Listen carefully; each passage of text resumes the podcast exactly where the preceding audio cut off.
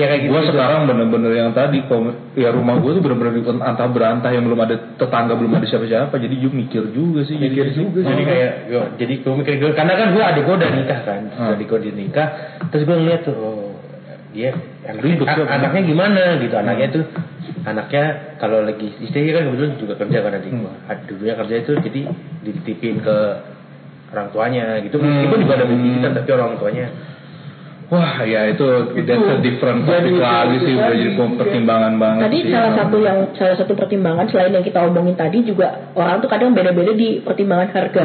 Hmm. Ada orang yang sakit dia hanya punya uang Sekian. sekian, Hmm. tapi ada orang yang lebih fleksibel gitu, lebih fleksibel dia punya range yang lebih luas gitu, lebih, lebih Hmm. luas. Kalau misalnya eh, jauhan tapi harganya apa deketan bagus harganya mahal dikit masih oke lah. Iya. Nah itu juga juga jadi pertimbangan kita pastikan. Emang harus ada harga itu. harus ada cost benefit analisis sih. Iya, ya kan? VA.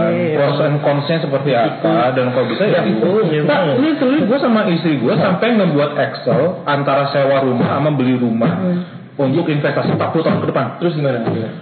Tidak didapatkan formulanya susah. Barusan tadi informasi apa?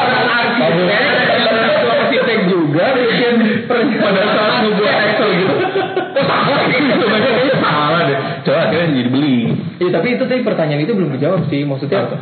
Iya, ketika mending sewa apa mending beli? Kalau Nah. dari sisi eh, keuangan aja ya, Hmm. kayak gitu. Kalau hemat pakai- sewa, kalau hemat waktu itu doang gitu. gue sempat nggak walaupun mungkin salah ya formulanya tapi gue ngitung eh, beda mindset sih ya kalau di Bali itu emang banyak kan bule-bule itu banyak sewa eh, dan dijual eh sewa terus mereka eh, jadi itu bisnis Sewa. maksudnya dia mereka sewa rumah nih Oh, sewa tanah sewa rumah kantor gitu, Eh, bisnis. mungkin sewa tanah ya Oh, oh. terus mereka bangun rumah Iya, iya, iya, punya iya. 30 tahun gitu kan tapi karena mereka tahu ini bukan investasi yang akan mereka dapatkan 30 tahun setelahnya mereka digunakan sebagai bisnis Sekarang. Jadi kata Kafe, teman apa. "Eh, kafe atau dijadiin Airbnb gitu. Oke. Selama dia punya pemasukan. Jadi lu nggak terlalu rugi-rugi banget nih pada saat lu udah sewa dan lu tinggalin tanpa ada pemasukan dari situ.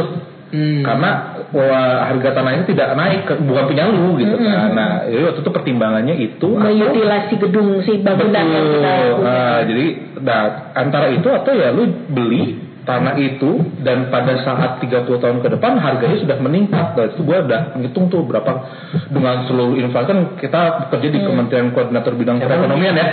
Yang karena secara kita udah ngerti nih consumption, investment and government subsidy itu udah uh, ngotak banget gitu kan. subsidi Kan rumus kan rumus. Ya. Rumus kan ekonomi sama dengan ya, dari situ Gua nggak lulus.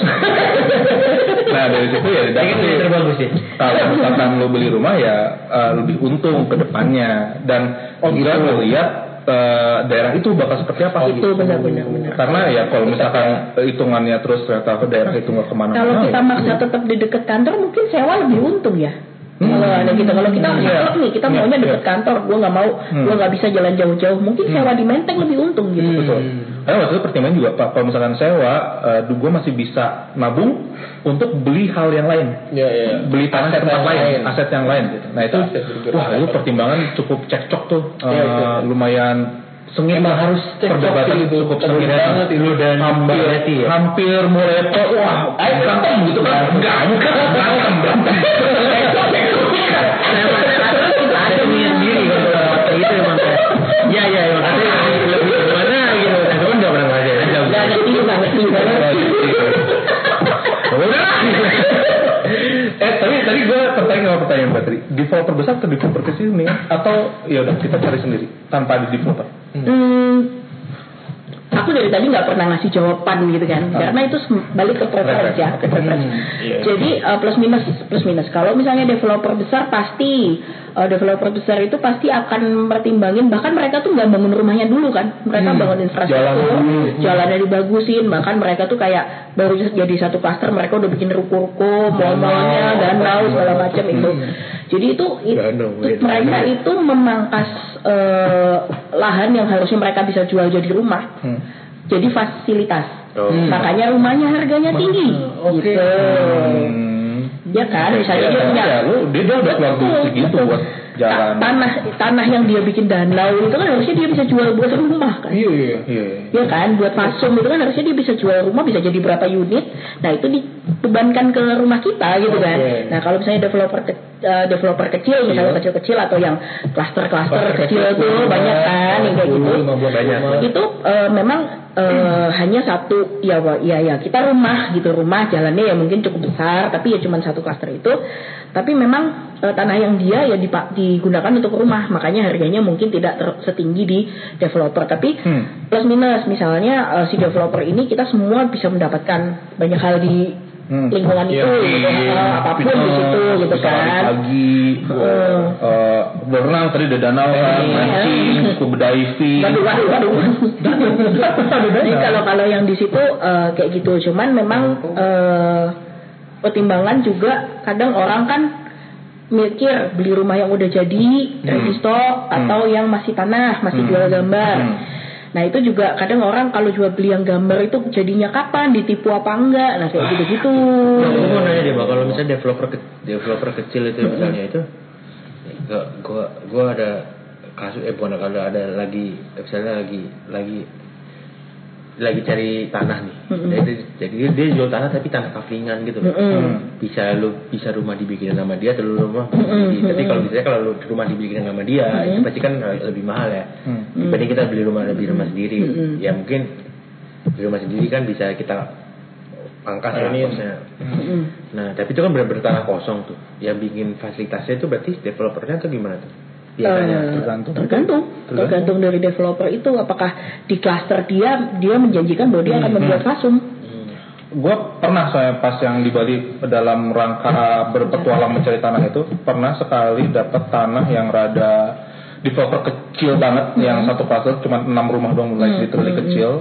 Dan gue hampir beli. Actually gue udah beli udah DP tapi ternyata pada saat eh, udah ny- nanya nih tentang fasulnya gue dapet lihat listrik aja tiangnya dia nggak ngasih Oh gitu. Iya, jadi dia literally jual tanah kan? Jual ta- eh, jual tanah, iya.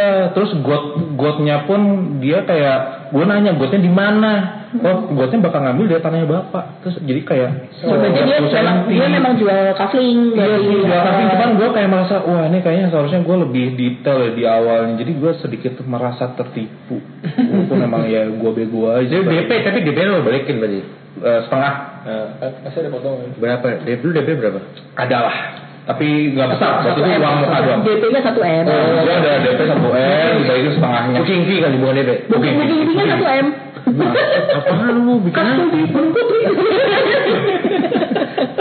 vampir gue. tapi tapi itu yang karena gue juga dulu kerja di developer jadi tahu juga kan ada yang eh, kemarin ngobrol sama Barum tuh tentang yang developer Sumare kan ya Bar ya eh, Rum, Lipo, Lipo, Lipo, Lipo, Lipo. Nah itu bagus banget tuh kayak bukletnya tuh kayak wah. Iya. Terus kayak lifestyle yang dijual tuh kayak fitness, kayak sepedahan. waktu nyampe sana tanah hamparan. Hmm, ya. Nah, cuman itu kalau misalnya eh, aku bukan bukan bilang kalau developer kecil itu pasti akan tidak baik, Iya. enggak, banyak juga klaster-klaster itu yang mereka udah Iya. buat udah buat berbag, apa eh, banyak klaster gitu, Hmm, banyak iya. banyak banget. Cuman memang kalau kita milih mau beli gambar gitu, mau beli rumah yang belum jadi, kita benar-benar harus lihat dulu developernya, surat tanahnya. Itu sih. Kan developer besar yang di situ kan. Rumah Apa? Sebut, sebut. Siapa? Di mana-mana. Orang jadi agent. Betul. Tahu dapat rumah kayak gitu. Nah, itu itu. salah satunya. Ah, ah, dulu sekali sempat sempat diminta jual ya, cuman waktu itu aku mikir something too good to be true Iya. itu lah, itu lah. Gue bisa ambil rumah. Iya. Gila. Lu tuh bisa ngambil rumah. Buset. Nawarin gua. Tapi itu juga bukan jadi ini sih mas, karena sekarang rumah-rumah juga kan 5 Iya, juta udah 5 juta udah 5 juta udah udah jadi rumah. Jadi Iya, tapi balik lagi ke ini sih, mungkin kalau developer besar ya mereka punya modal. Untuk motorin uang tuh mereka ada. Jadi kemungkinan mereka berhenti proyek itu mungkin telat, cuman Betul. berhenti tuh sedikit kemungkinannya. Sedangkan kalau misalkan developer-developer kecil karena mereka perputaran uang di perusahaan mereka juga cepat dan dikit gitu, jadi mungkin bisa mandek gitu. sebetulnya Itu salah satu indikator ya kalau misalnya kita mau Nah, beli rumah nih, Hmm. salah satu kunci adalah apakah bisa pembiayaan melalui bank KPR. As. Oh itu indikator rumah. Itu indikator. Oh, Kalau karena beli rumah. bank itu Karena way bank itu pasti akan menilai rumah itu aman atau tidak. Oh. Rumah itu punya nilai atau tidak, suratnya aman atau tidak. Ya bang nggak mau kolateral surat nggak jelas Oke, dong oke, gitu. oke, oke. Itu itu salah satu indikator sih. Eh, Mbak Arum tadi Ya. itu sempat kita udah nuaksir, eh, dia juga udah nuaksir berat satu rumah di deket Bintaro, deket Ah. stasiun, nggak terlalu jauh, cuma 500 something juta. Wow. Iya. Wow. Itu PNS masuk ya? Supaya masuk. Nah, PNS masuk ya? eh, tapi gitu, Bang. tapi dia nggak bisa, tapi dia nggak bisa KPR. Hmm, karena Nah, kenapa? Aku nggak bilang dia nggak bagus, maksudnya eh, proyek-proyek dia tuh jadi di mana-mana. Iya, iya, Tapi resiko itu tetap ada, Ada. kan, gitu loh. Resiko itu tetap ada. Jadi ya kalau mau aman gitu, Itu kenapa mbak? Kenapa nggak bisa KPR mbak? eh, tanahnya belum pecah. Hmm. Oh. Jadi surat tanah, jadi surat tanahnya itu masih masih bonggalan gitu loh, masih satu Iya, apa satu- namanya satu- satu, kawasan satu itu belum pecah. Banyak banyak alasan, Hmm. banyak banyak alasan Iya. gitu, banyak banyak pertimbangan. Sebelum kita ke tadi KPR sama skema pembiayaan, sebenarnya kalau untuk menurut Mbak nih, Hmm. untuk teman-teman yang di PNS ASN, kira-kira ngebangun tuh kira-kira butuh berapa sih? Ngebangun. Ngebangun budget untuk punya rumah tuh berapa sih sebenarnya? Kalau budget memba eh, apa punya rumah, satu orang berarti ini ceritanya satu orang, satu orang kan? Pokoknya kalau eh, tergantung kalau budget punya rumah, kalau lu punya warisan emak ya. Hmm, ya anggapnya dengan gaji kita sekarang. Oke. Bener-bener dari nol lah. Ya taruhlah Anak-anak rantau, anak rantau kan jadi Nyicil, nyicil, nyicil, Nyicil. Nyicil itu adalah rumusnya 30% dari gaji udah. 30 persen dari gaji. 30 persen dari gaji. Coba dihitung gaji anda berapa? Gaji anda 50 juta, eh 30 Taruh 10 juta. Oh cicilan 30% dari 30 persen dari 10 juta. 3 juta. 3 jutaan. Itu untuk berapa tahun? Cicilan. Cicilan, 15, 20. Oh, oh, oh, pokoknya maksimal 3 juta. Iya. Maksimal 3 juta. Maksimal 3 juta. Oke. Kan nanti tergantung DP. Tergantung DP kalian. Kalian punya DP apa tidak, gitu kan?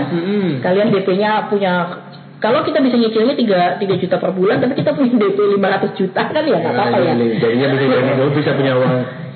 Jadi privilege tadi lu dikasih dia. Iya, iya, iya, iya. Jual Tapi ginjal dulu gitu kan buat DP. gitu bisa juga. tapi kalau misalnya lu punyanya 3 juta katakan, eh, tapi lu nggak punya DP sama sekali, bisa nggak punya rumah? Bisa. Cuma dari jauh.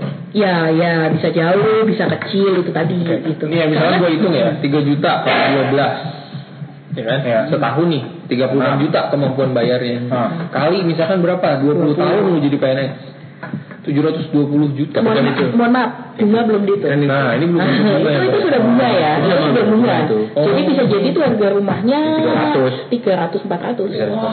Oke, sorry. Oke, oke, oke. Kita mulai nih ke arah skema pembiayaan. Depan Iya, ini ya? Iya, karena kemarin gue juga eh, mencari KPR.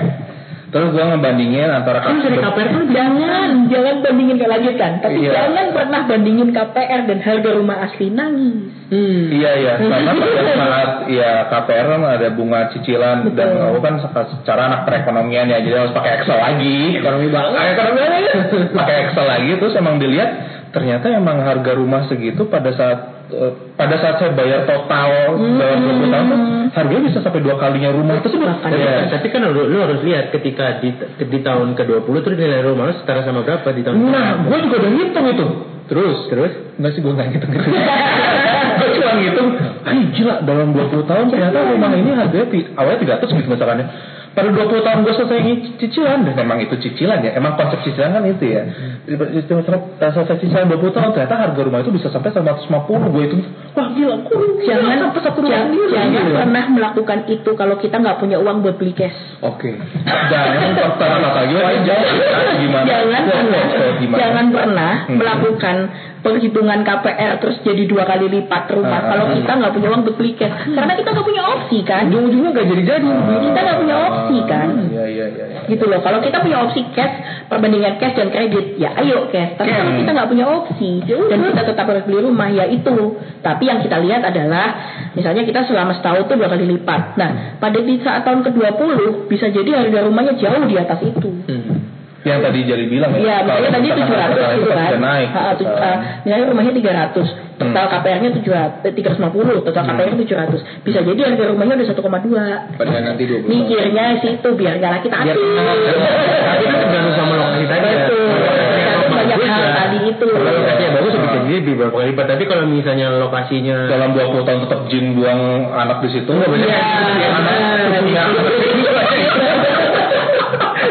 Kayak sesimpel lu misalnya kayak misalnya contohnya kayak tadi tuh kayak misalnya dengan harga yang sama dengan harga yang sama misalnya dibeli rumah di rumahnya di Tenjo misalnya Hmm. tapi di Tenjo tuh ketika 20 tahun depan udah ada mall udah ada apa mungkin Iya. harganya dari yang biasanya iya. tujuh tujuh dua puluh bisa jadi satu miliar Yes. tapi misalnya lu beli rumahnya dengan harga yang sama 300 tapi lu di Bekasi, ya, Bekasi yang udah di develop ya kan nggak ada apa-apa ya, harga mungkin bisa jadi sama Mungkin sekitar sekitar itu juga balik 500 600 lah gitu atau atau Iqbal jadi 700 gitu Jadi ngitungnya nggak cuma sampai di angka kredit itu juga cuman harus ngelihat juga si tanah itu nilainya berapa pada tahun. Oh dia cari kayak gitu di pas kemarin. Ya anyway, ya ya. Ya. Oke oke.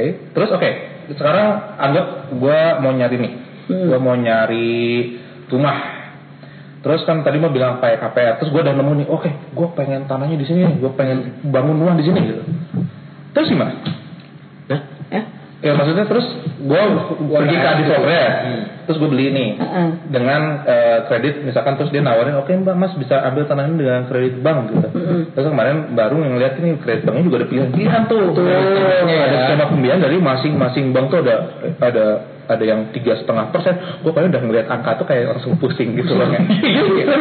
terus kayak nafsu. Terus kayak dan gue tahu dan gue tahu itu adalah triknya bank itu tuh ya ngerti gak sih? Kayak kayak lu dibuat kayak keren banget cuman lu nggak tahu seluk-beluknya gitu detail-detailnya gitu loh. Jadi misalkan misalkan ada bank A nih bilang wah kredit dua tahun pertama harus harus dilihat bagus yang bank B Harus, uh-uh. cicilannya bebas cicilan atau apa?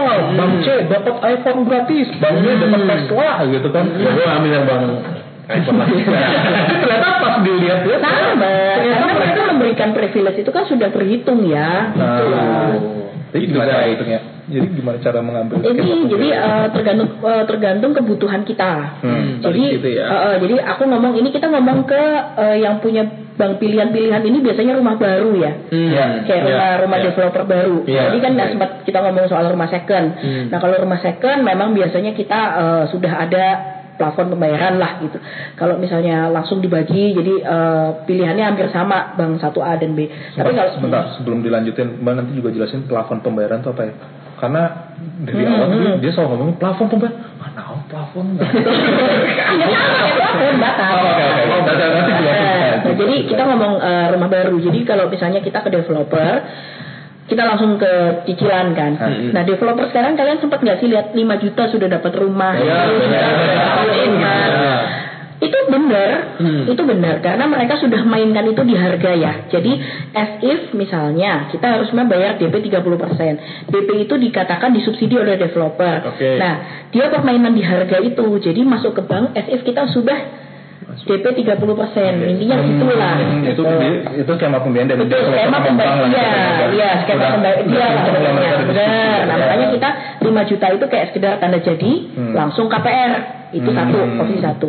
Opsi kedua, ada memang yang eh, DP bisa dicicil. Ada nggak? DP gitu. bisa dicicil. Oke. Ini kalau beli rumah baru ya, jadi misalnya DP eh, 10% dicicil 12 kali. Jadi Oh. kita biasanya ini rumah yang masih dibangun, Hmm. Rumah yang masih beli gambar lagi. Gambar, Eh, ah. Nah itu jadi eh, kita masuk KPR baru di bulan ke-12 Hmm. Jadi kita nyicil udah 12 kali itu. Bulan ke DP ya? Iya DP-nya Kita dicicil Bulan ke-13 baru kita Baru masuk start. KPR KPR. Itu ada Ah, jadi itu kayak dua mas ya. Pertama cicilan itu ada pasti ada kreditnya lagi dong. Pak ada bunganya dong. Enggak, enggak, enggak Oh, Biasanya enggak Jadi eh, cicilan DP doang ke Oh, oke, developer. Karena jiran dia cuma setahun ya. Macam-macam Kalau apartemen bisa 3 tahun, bisa 2 tahun Oke. Hmm. Oke. Jadi masing-masing developer punya skemanya. Oh. Nah terus yang ketiga bisa jadi eh, memang DP. Hmm. Oke. Oh, Jadi makanya sebelum kita beli rumah, kita lihat dulu di price list itu jangan cuma lihat harga, tapi lihat skema skema pembayaran. Karena banyak penawaran, banyak tawarannya. Ada KPR Express. Iya. Itu tadi yang Iya, cuma 5 iya, juta langsung KPR. Ada yang cicilan DP. Itu kembalikan lagi ke kemampuan kita gitu. Apakah kalau misalnya KPR Express kan berarti semua nilai harga rumah itu di KPR-kan. Artinya sama dengan cicilannya lebih tinggi. Hmm. Itu yang tadi aku bilang plafon. Plafon tuh jumlah yang dikredit itu loh. Oke. Nah, kalau misalnya cicilan DP 10% dicicil 12 kali, berarti kan plafon kredit kita sudah berkurang DP. Hmm. Tapi itu tapi kita misalnya nggak butuh rumahnya sekarang kita masih bisa dua tahun lagi dan kita bisa pakai situ. Atau kalau kita oh enggak enggak enggak. Kayak orang susah aja kita punya DP kok. Hmm. udah pakai yang langsung bayar DP, itu itu ya itu Jadi juga. besarnya cicilan juga bergantung sama DP tadi ya. betul betul. Jadi eh, ya idealnya memang besarkan DP ya kalau Iya, memang jadi punya. ringan. Idealnya ya case tadi lah. Idealnya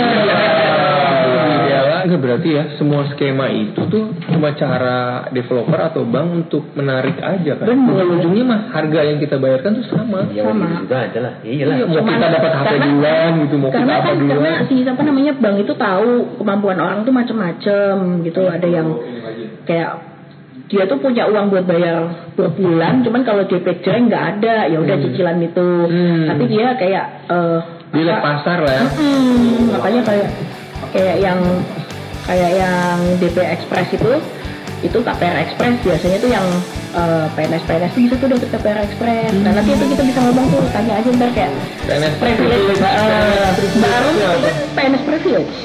Dia KPR